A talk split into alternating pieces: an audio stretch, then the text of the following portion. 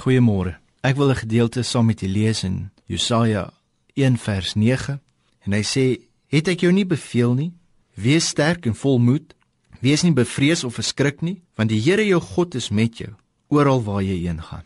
Hierdie is 'n gedeelte waar ek dink enige persoon as as 'n mens so verhoging kry dat 'n mens benoud kan word. Maar God sê vir Josua, hy sê jy hoef nie bang te wees nie.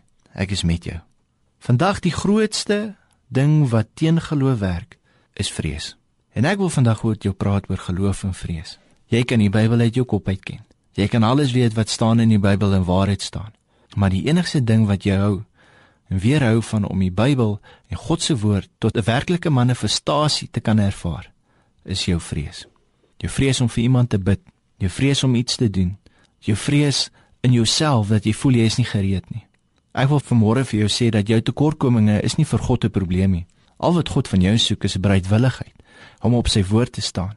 Ek dink dit is belangrik vanmôre dat ek en jy moet kyk. Wie is die mense saam met wie ons tyd spandeer? Wat is die invloede wat ons in ons lewe toelaat om in ons lewe te wees? My ma het altyd gesê, "Wys my jou vriende en ek weet wie jy is."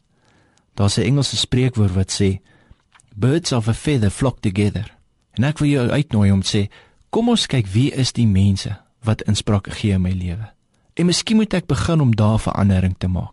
Miskien moet ek meer mense kry in my lewe wat positief is. Miskien moet ek toelaat dat God se woord 'n groter plek in my lewe het as wat ek vir verkeerde dinge 'n plek gemaak het in my lewe. As vrees in jou lewe oorwin, dan gaan God se geloof nie kan uitstaan in jou lewe nie. En ek wil jou bemoedig, kom ons vat God se woord vas. Hy sê geloof kom deur gehoor en gehoor kom deur die woord van God. En kom ons hou vas aan God se woord. Amen.